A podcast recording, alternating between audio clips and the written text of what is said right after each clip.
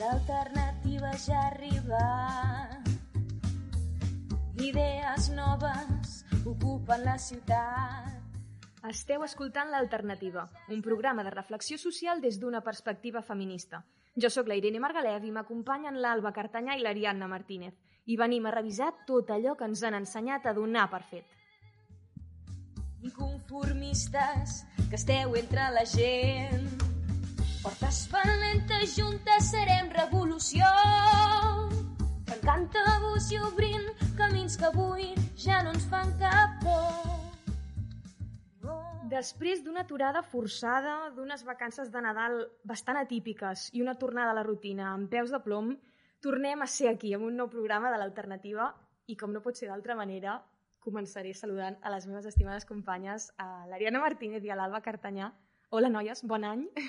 Bon, bon any. Com bona esteu? tarda. Com han anat aquestes festes, aquestes vacances tan, tan estranyes?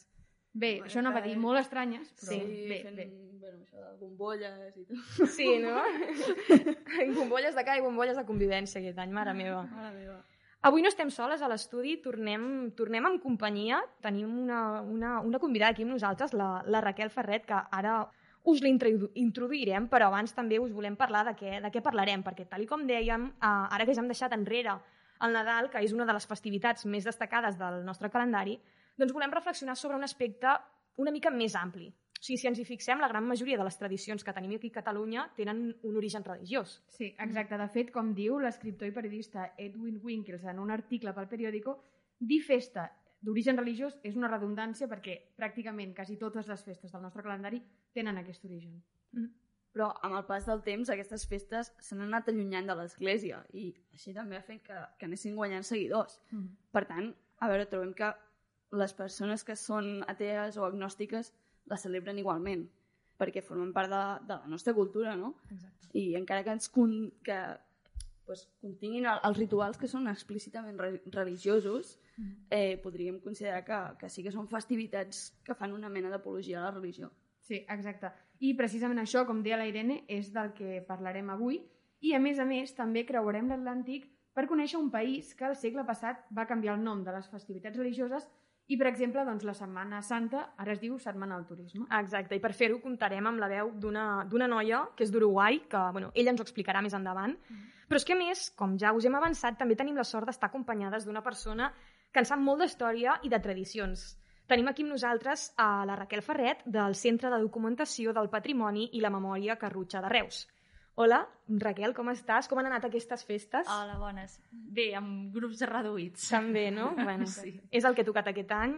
Jo no sé vosaltres si esteu notant el 2021 una mica més diferent que aquest 2020 perquè hem anat com molta expectativa, però jo de moment ho veig tot igual, Igual. o pitjor. Igual o pitjor, sí. Sí. Bueno, doncs, tal i com dèiem, eh, moltes gràcies per acompanyar-nos en primer lloc i com, com ja hem avançat, eh, el que volem parlar una mica és, doncs, ja que s'han acabat ara fa poc les, les vacances de Nadal, volem començar a parlant de- d'aquestes vacances, d'aquestes festivitats, perquè quin és l'origen? Quan, quan, quan es va començar a celebrar el Nadal? Bé, doncs la festa de Nadal la situem en el cicle d'hivern, és una festivitat que neix a Europa, i bé, doncs situar-la en el cicle d'hivern ens fa parlar de l'hivern, que és una època de l'any que evidentment doncs, els protagonistes són el fred i la foscor, i bé, doncs podríem ressaltar altres festivitats de dins d'aquest cicle festiu del Nadal, com serien Sant Antoni, per exemple, en tots aquests fogarons que precisament doncs, busquen aquest punt de trobada, aquest caliu no?, al voltant del foc, i per tant, doncs, són festes que tenen també el seu substrat precristià, no? i per tant, doncs, el foc, la il·luminació, en són protagonistes. Però en tot cas, en el segon concili de Nicea, que es va celebrar amb, una, amb totes les esglésies cristianes, es va adoptar que el 25 de desembre seria doncs, aquesta data simbòlica que marcaria el naixement de Crist. Uh, per tant, doncs, d'això en fa molts anys, lògicament, gairebé 700, i significa que la nostra cultura està impregnada de referents cristians. Però podem, podríem fer referència a un element pagà, per exemple, independentment del Nadal, que seria el tió. Eh, doncs que tindria uns altres orígens perquè el tió ens parla d'aquests cultes al foc no? doncs Sí. que es feien en tradicions més paganes.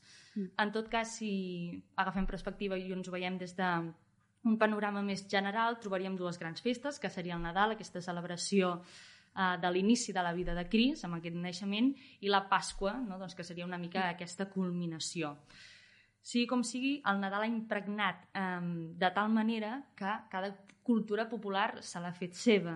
Diguéssim que a la, la història és la mateixa, no? a tot arreu hi ha un sol Déu, però cada cultura ha afegit una mica doncs, les seves pròpies característiques. Sí que és veritat que el Nadal barreja elements locals i litúrgics, podrien ser pessebre o els pastorets, per exemple, mm -hmm. i evidentment també trobem elements cristians, com podrien ser les cançons de Nadal. Jo, per exemple, penso en el desembre congelat, que sembla sí. que, que parli de la natura, però no, desenganyem-nos, totes parlen del naixement de Jesús, des de la primera eh, a l'última. En tot cas, tot aquest patrimoni que mm. englobem dins d'aquesta festivitat del Nadal no tindria, no s'entendria sense tots aquests referents cristians. Mm. És a dir, d'alguna manera, la vinculació que les persones tenen amb aquesta festa supera aquestes creences personals.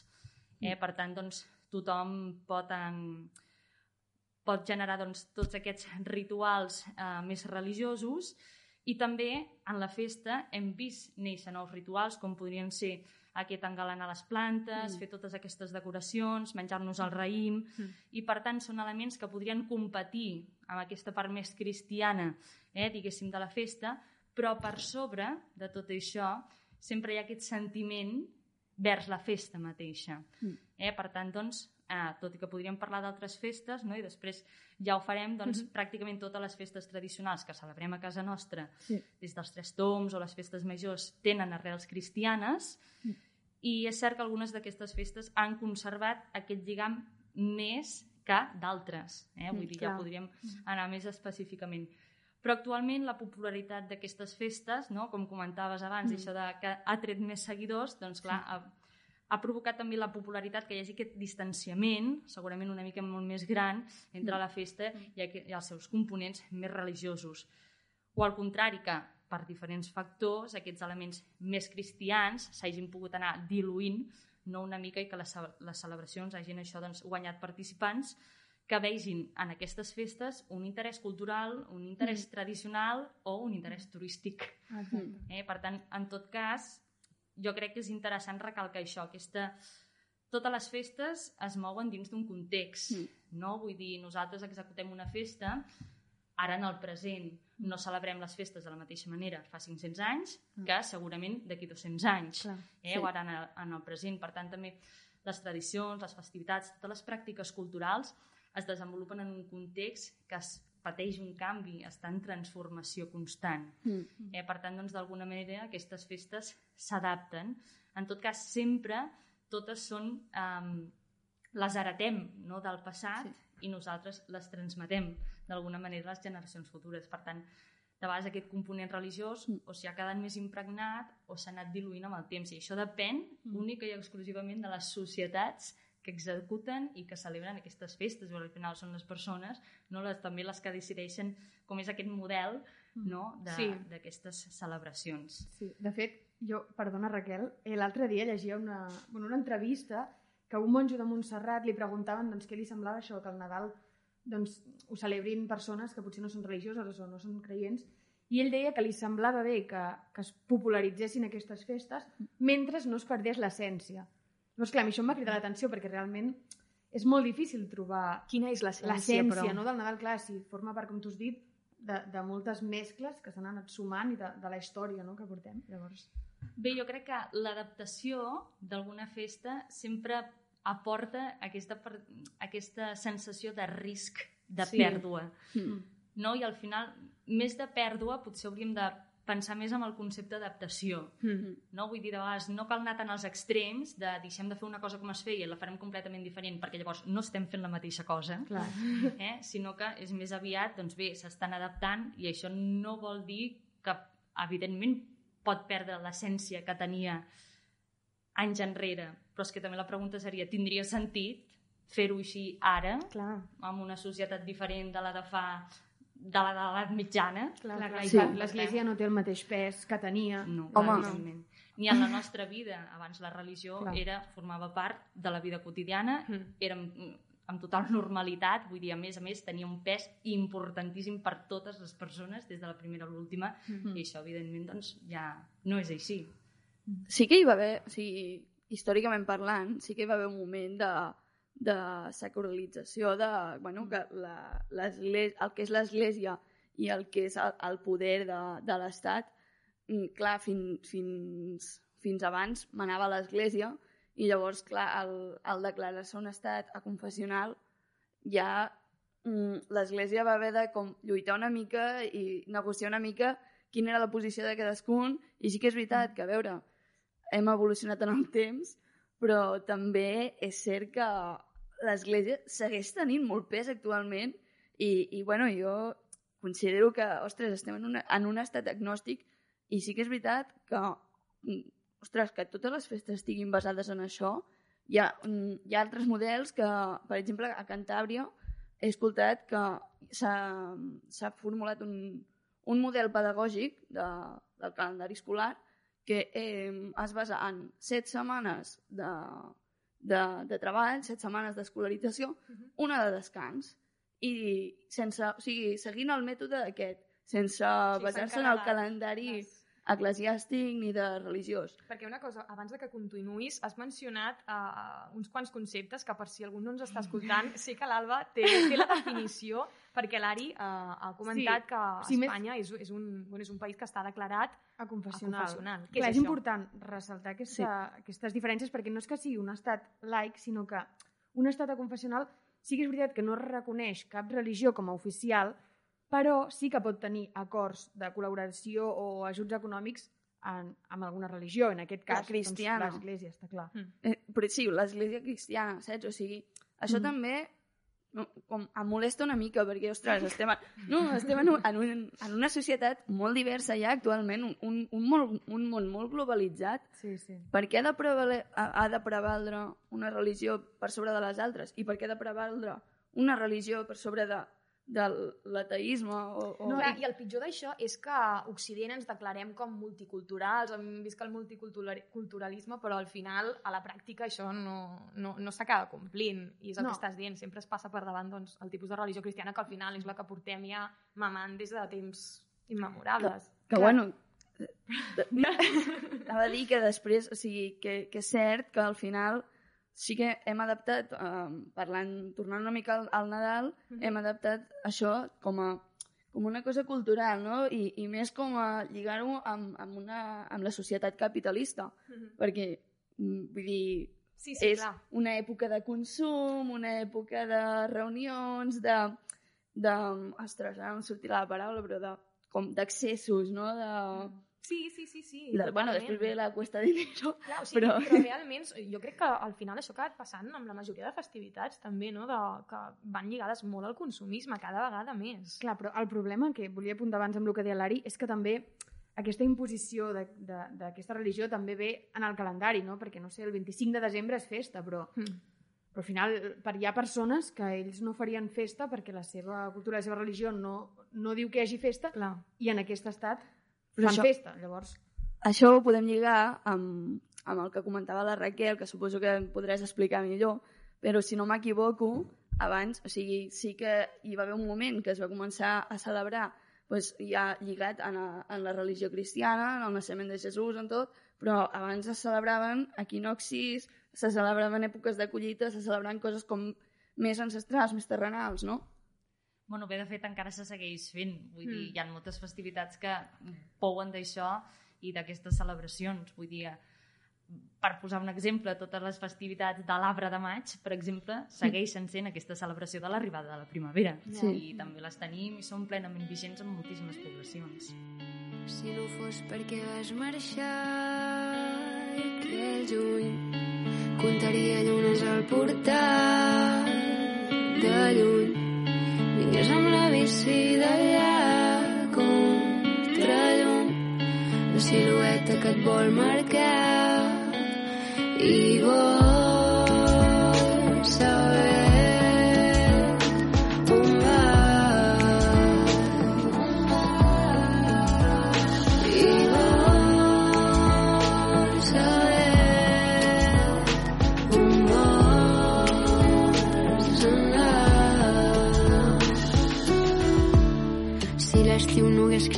cremat pells i, i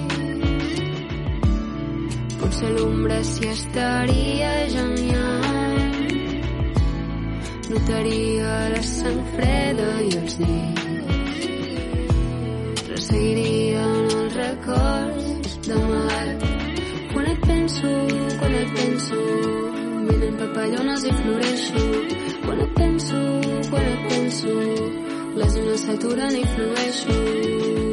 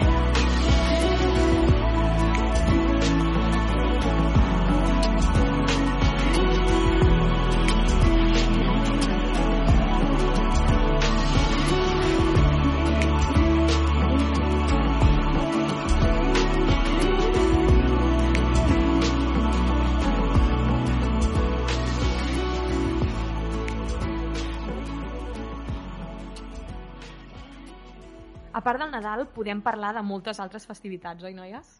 I tant. De fet, sobre el 2016, La Vanguardia va distribuir uns contes de Pilarín Vallès, que És no sé si que la coneixeu, Ja. però és adorable. És la millor. Si no la seguiu a l'Instagram, feu-ho. sobre, pues, era sobre les festes i tradicions de Catalunya i resulta que 9 de les 12 festivitats que recull són totalment religioses. Exacte, i més enllà de Nadal, Reis, que com hem dit doncs, són molt evidents, l'altra gran festa religiosa per excel·lència és Setmana Santa.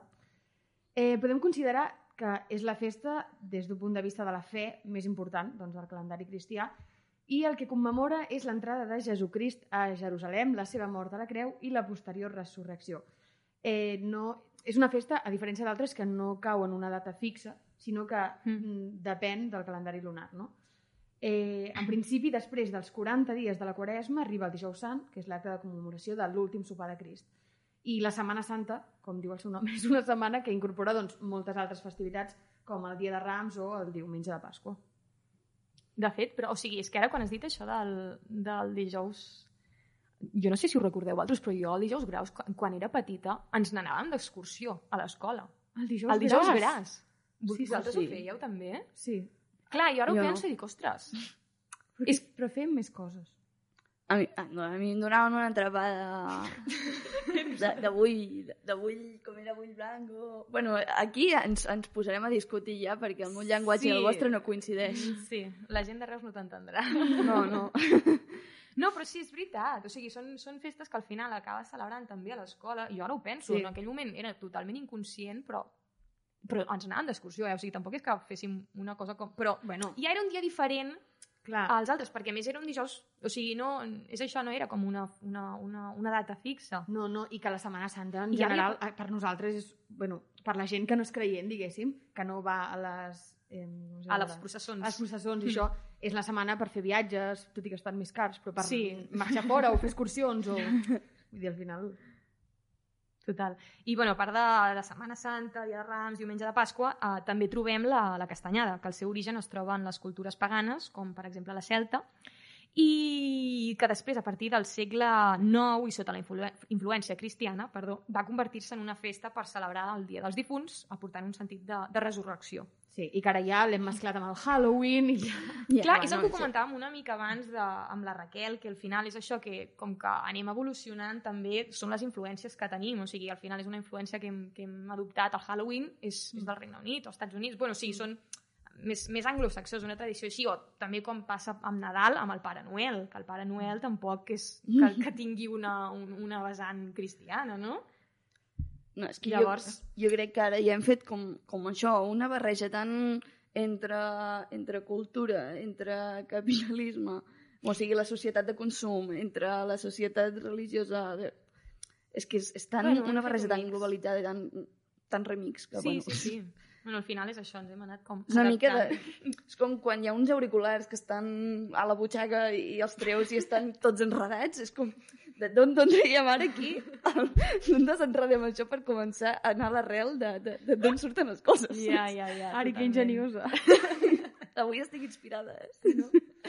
Però clar, el mateix passa amb les festes majors, també. sí, sí, sí. O sigui, que realment això, que, doncs cada, això, les localitats celebren les festes majors al, al patró no? de, de la localitat. Que és una verge, un Sí, sant, una clar, santa, clar. santa, clar, també. I clar, en, en, dins d'això també podem situar, em, per exemple, Sant Joan, que nosaltres fem fogueres i, i bueno, molta gent també celebra el solstici d'estiu, però realment no deixem de celebrar un sant. Mm. Sí, però bueno, jo crec que això ja, o sigui, és que és això, és que hem passat ja a molt nomenclatures i ja està. O sigui, mm. per mi, Sant Joan, no, en cap moment penso, ostres, és Sant Joan, vaig a felicitar el Joan. Ja, ja, exacte, no Me la, o sigui, ho sento, me la sudes, saps? Mm, Bueno, a veure, respecte a la gent que hi cregui, per, òbviament. clar, per respecte, pues, si em ve algun Joan que és creient, li diré, ei, felicitat, Joan, saps? Però no serà el meu pensament quan em desperti de, ostres, he de felicitar tots els Joans que conec. Ja. No. Sí, això dels sants també és una cosa que s'ha perdut molt. Jo moltes vegades quan em feliciten el sant ni me'n Clar. recordo que, que És que és això, sí, és com, ostres, gràcies. A mi me'l felicita sempre la meva mare, superil·lusionada, jo, "Mm, vale, gràcies, ja està. Sí, Bueno, és això, al final. Era avui. Sí, sí, sí. I el mateix passa amb el Sant Amb Jordi. Sant Jordi. bueno, Santa Jordina, també, això s'oblida. Que a mi és una vegada més també Sant Jordi, Sant Valentí, per exemple, totes aquestes, mm. bueno, Sant Valentí no, no és festiu, però Sant Jordi, bueno, Sant Jordi tampoc és festiu, No, no és de festiu. fet, ara jo en tenia al cap que era festiu, però no. No. però és Els això que també van acompanyat doncs, de- d'aquest consumisme de els llibres, les roses, que això també podríem ja comentar lo sexista que, que podria ser des d'una mirada així més, més feminista, però bueno, que, que al final això també està canviant moltíssim ara. Però és això, que sempre va lligat tot d'alguna manera a, amb el consumisme. A diferència, o no, depèn de com tu miris, del, carnestol, del Carnestoltes, que és el Bueno, nostre carnaval, diguéssim. Això s'ha convertit en alcoholisme. Sí. bueno, aquest Sí, any sí, ens sí. tindrem per així. Que, bueno, a part de, del que ha dit l'Alba, s'ha convertit en els darrers anys en una tradició pagana, però en els seus orígens era el pròleg de, de la Quaresma.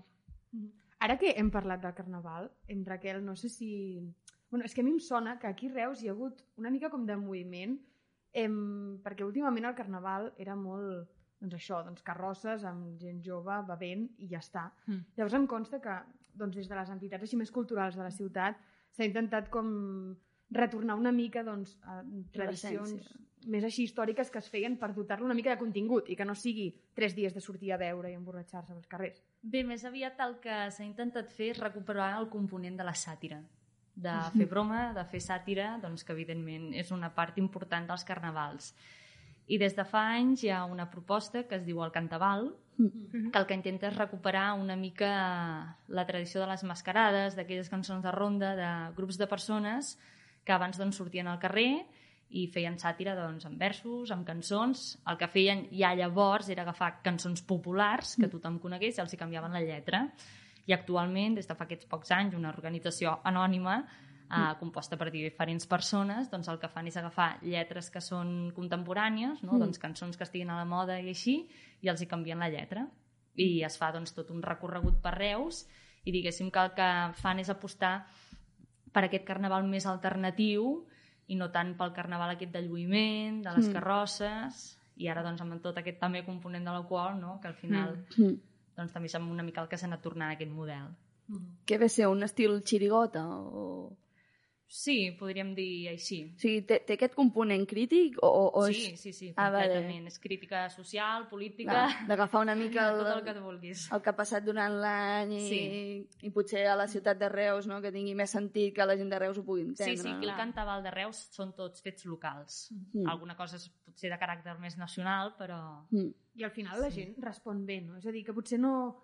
Doncs això, perquè ara el carnaval ha derivat a una cosa, però després, quan es fan aquestes propostes, en general agraden. Bé, jo recordo que l'any passat érem gairebé unes 300 persones. Ostres. Que guai. Jo crec que va, la iniciativa sí. va evolucionant i va, va bastant bé, la veritat. I bé, jo suposo que enguany alguna cosa segurament que faran. Sí, segur que sí, adaptada a la virtualitat, Sí, d'alguna no? ma- Però... exacte. Sí. Home, almenys, mira, no, no tindrem carrosses i gent borratxa, però... bueno. I aquest any, a més, hi ha xitxa també per, per fer alguns no sé, bueno, versots, anava a dir versots, però perquè no...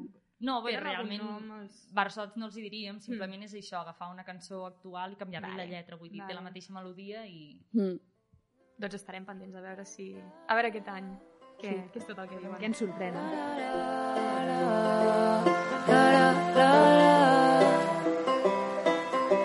I vull l'agost i vull pèls als bessons i vull riure i vull riure d'accents de cançons que t'ofeguis amb el nas tot mullat, mullat i en entrat per l'altre costat i vull llançar-m'hi sense saber els graus i que em renyis tot mullant el tors i vull muntanyes, croquetes i daus, molts daus, quatre maques, un llibre i mil colors. Espai temporal arbres sota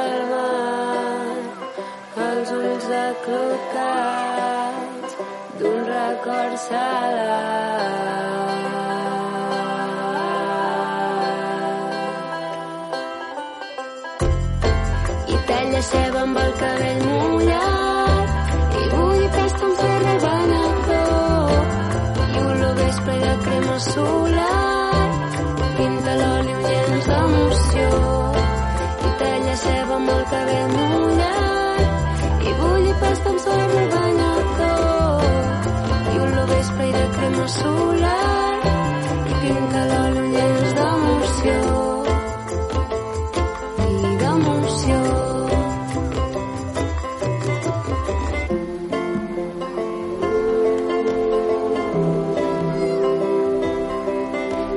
nosaltres, ara el temps va movent, sua cap a quin costat. Algun dia ja ens portarà el vent, vent, vent, no tinc pressa que no em pesen els anys. Som nosaltres, ara el temps va movent, movent, i ens la sua cap a quin costat. Algun dia ja ens portarà el vent, vent, vent, no tinc pressa que no em pesen els anys.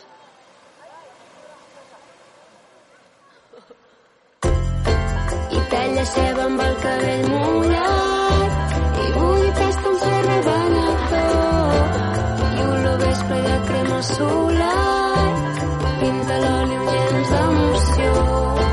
I talla ceba amb el cabell mullat i vull pasta amb ferro i banyador i olor vespre de crema solar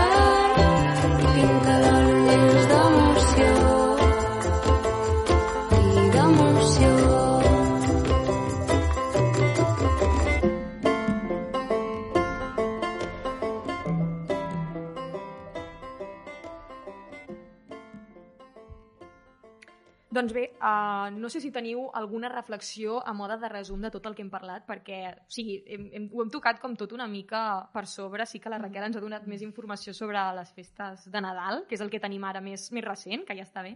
Sí. Però no sé si, si al voltant de tot el que hem parlat us sorgeix alguna, alguna reflexió. Vinga.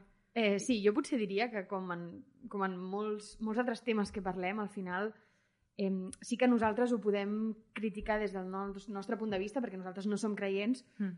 però que al final només és, és a dir, la, la nostra posició només és com parlar d'això per ser conscients d'on ve el que celebrem Mm. i d'aquesta mescla que s'ha anat formant i, i res, només parlar-ne i reflexionar-ne, però que simplement...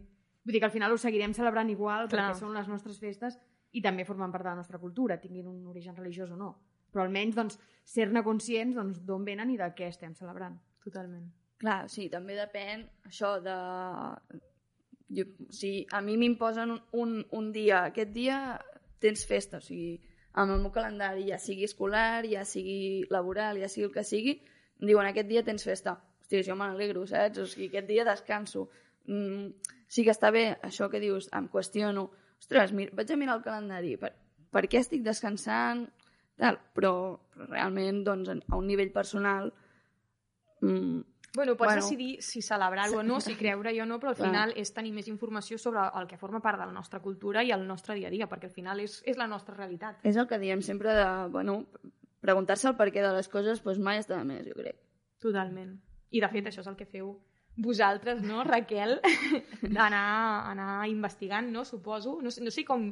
Perquè això no t'ho hem preguntat, és igual, ho pregunto ara, però els estudis, per exemple, o sigui, els feu en grup, us aneu repartint les tasques, com, com treballeu? Bé, de fet, a, a l'entitat doncs, som diverses persones i no tenim gaire estipulat tu fas això, tu fas allò, sinó que és la voluntat dels mateixos membres que diuen doncs em ve de gust fer aquesta recerca o ens ha arribat una col·lecció de fotos i per tant ens centrem en això perquè surten fotos de Sant Antoni i Mm. farem això. Vull dir que és una mica així. Bueno, documentar, no? Al final... Sí, sí, sí. Sí, fer, fer memòria. Evidentment, una cosa són les recerques, diguéssim, que tenim independents, que Mhm. anem fent i estan allí, són projectes, i després coses, lògicament, que ens van sorgint. De fet, també des de Carrutxa heu fet eh, visites al cementiri, no?, per tots sants. Sí, vam començar al gener i, de fet, mm, no són per tots sants. Vull dir, es van fer visites, suposo per tots sants, allò que feien de les visites nocturnes, Mm. Però amb això des de Carrutxa és una altra cosa. Són visites diurnes Mm.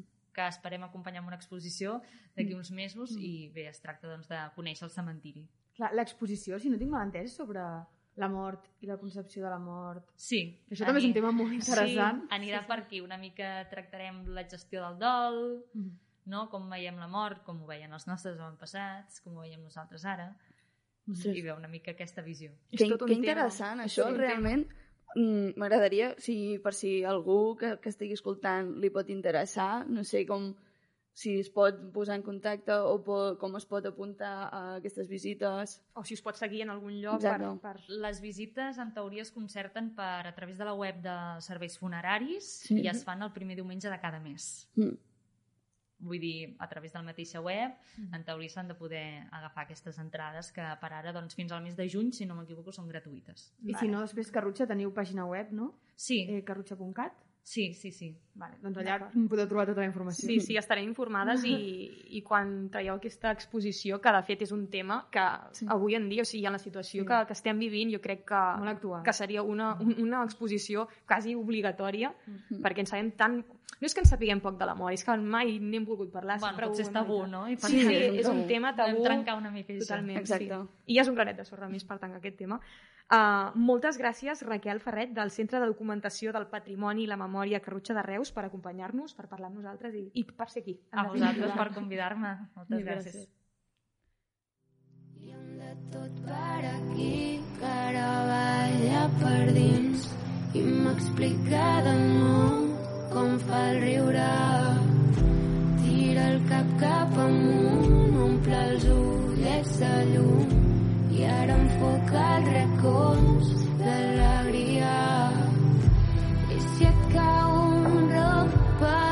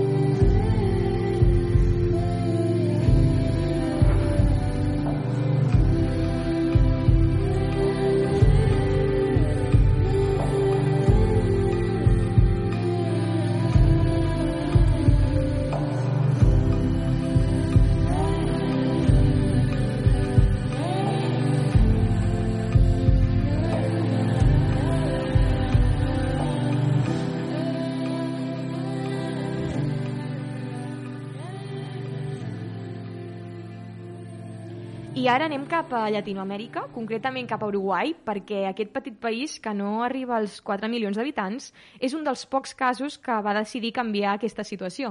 Sí, exacte. De fet, va ser el 1919 quan l'expresident José Batlle va decidir promulgar doncs, una llei de feriados que el que va fer és canviar el nom de les festivitats i posar-ne d'altres.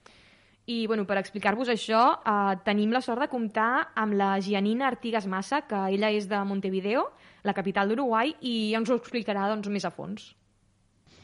Para hacer esa reforma constitucional se llamó a plebiscito, este, que la ciudadanía, quienes en ese entonces votaban, que eran unos pocos, eh, pudieran elegir si se hacía o no la reforma y salió victorioso el sí, con un 37,97%, entre un no, que fue un 1,93% eh, de los habilitados para votar. Y les voy a leer lo de separación de la Iglesia del Estado, que decía, el Estado no respalda ni sostiene económicamente a ninguna religión. Habiendo contextualizado a Valle en su época y cómo sus gobiernos y su partido, el Partido Colorado, su sector vallista, este, que lleva su nombre por él claramente, eh, cómo eh, crearon un escenario de separar a la población de la Iglesia Católica este, y de, de, un Estado laico que no responda a ninguna religión en particular. De todos modos, en los hechos a veces es complicado porque, bueno, sigue habiendo una influencia de la Iglesia, por supuesto, de otras maneras. Pero bueno, fue un, un gran paso eh, para el país, que hasta el día de hoy Uruguay tiene cifras de ateísmo, de no adherir a ninguna religión o, de lo contrario, adherir a otras religiones, que es eh, bastante grande y mismo.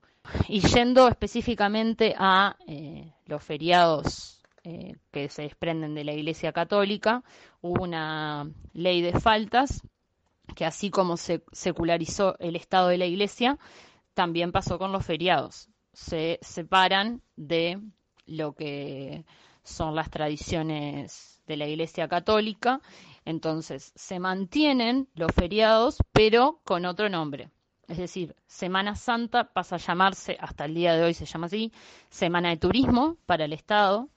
El Día de la Virgen, que es el 8 de diciembre, acá se llama el Día de las Playas. El Día de Reyes, que es el 6 de enero, es el Día de los Niños. Y el ya conocido 25 de diciembre, que se celebra la Navidad, eh, acá se llama el Día de la Familia. ¿Quiere decir esto que la iglesia no celebre su festividad como Semana Santa y que gran parte de la población le diga Semana Santa? Por supuesto que no. Quienes adhieren a la iglesia le llaman eh, Semana Santa y hacen la, las mismas acciones tradicionales con la Iglesia Católica. El hecho es que no están impulsadas por el Estado dichas actividades, sino que el Estado le llama Semana de Turismo y en sus publicidades para turismo interno, por ejemplo, siempre és Semana de Turismo. El Estado no la menciona com Semana Santa. Clar, perquè tot això que ens està explicant la Gianina, o sigui, tots aquests canvis que s'han produït al final en, en, en la manera de nombrar aquestes festivitats i el sentit que tenen, no, no deixen al final de tenir aquesta influència catòlica i molta gent segueix utilitzant els noms doncs, originals, potser, que, que s'havien posat. Sí, sobretot en, en el que passa com el, com el Nadal, no? que és, és, com comentàvem, la festivitat, com una de les festivitats destacades. Sí, exacte. Com ella comenta, hi han festivitats doncs, que ha costat més que la gent integri aquests canvis. Eh, las que más ha costado y las que cuesta que se siguen celebrando como Navidad y como Reyes son, eh, por supuesto, eh, el 6 de enero y el 25 de diciembre porque nosotros, si bien somos un país laico y que separamos las fechas, seguimos estando insertos en un mundo en donde el catolicismo es la religión dominante. Entonces, este, se siguen celebrando como tales, se hacen los mismos rituales de regalos, este, llegan los reyes, se les deja pasto, Navidad llega Papá Noel a las 12, es decir, en ese sentido, la gente no va por, por la vida diciendo hoy es el Día de la Familia, a no ser que sean muy ateos, pero ni, ni eso, porque es algo que ya se tomó como tradición este, mundial independientemente de la religión. Pero bueno, eh, por, por, en el Estado se llama así la festividad, o sea, es igual feriado, pero son festividades que no llevan los nombres de, del catolicismo, que les puso el catolicismo. Doncs moltes gràcies, Gianina Artigas Massa, per acompanyar-nos des de, des, d'Uruguai, des de l'altra banda de l'oceà, i per explicar-nos, doncs, al final, una realitat que jo no sé vosaltres, però abans de fer aquest programa no, no coneixia. Així no, no. que, bueno, La veritat és que és un cas molt curiós mm. i molt interessant. I, de fet, les cançons que hem estat escoltant avui, Ari, de, de qui són? Són de Venus.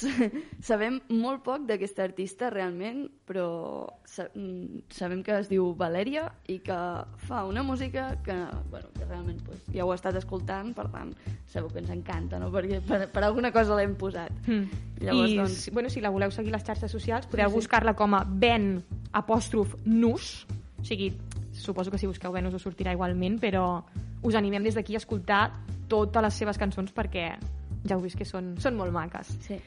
I una vegada més, eh, agrair doncs, a, a les convidades que hem tingut avui al programa, a vosaltres dues, per ser tan Oh. estupendes. Us trobava a faltar. Gràcies, presentadora. I ja per acabar, com diu la Marxa Mundial de les Dones, fins que totes siguem lliures. Gràcies per escoltar-nos i fins al proper programa.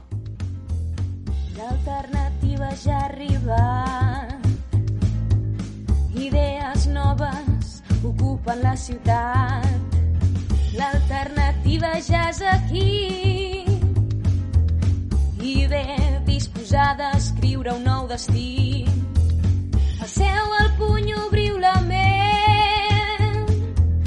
Inconformistes que esteu entre la gent. Portes valentes, juntes serem revolució. Tancant tabús i obrint camins que avui ja no ens fan cap por.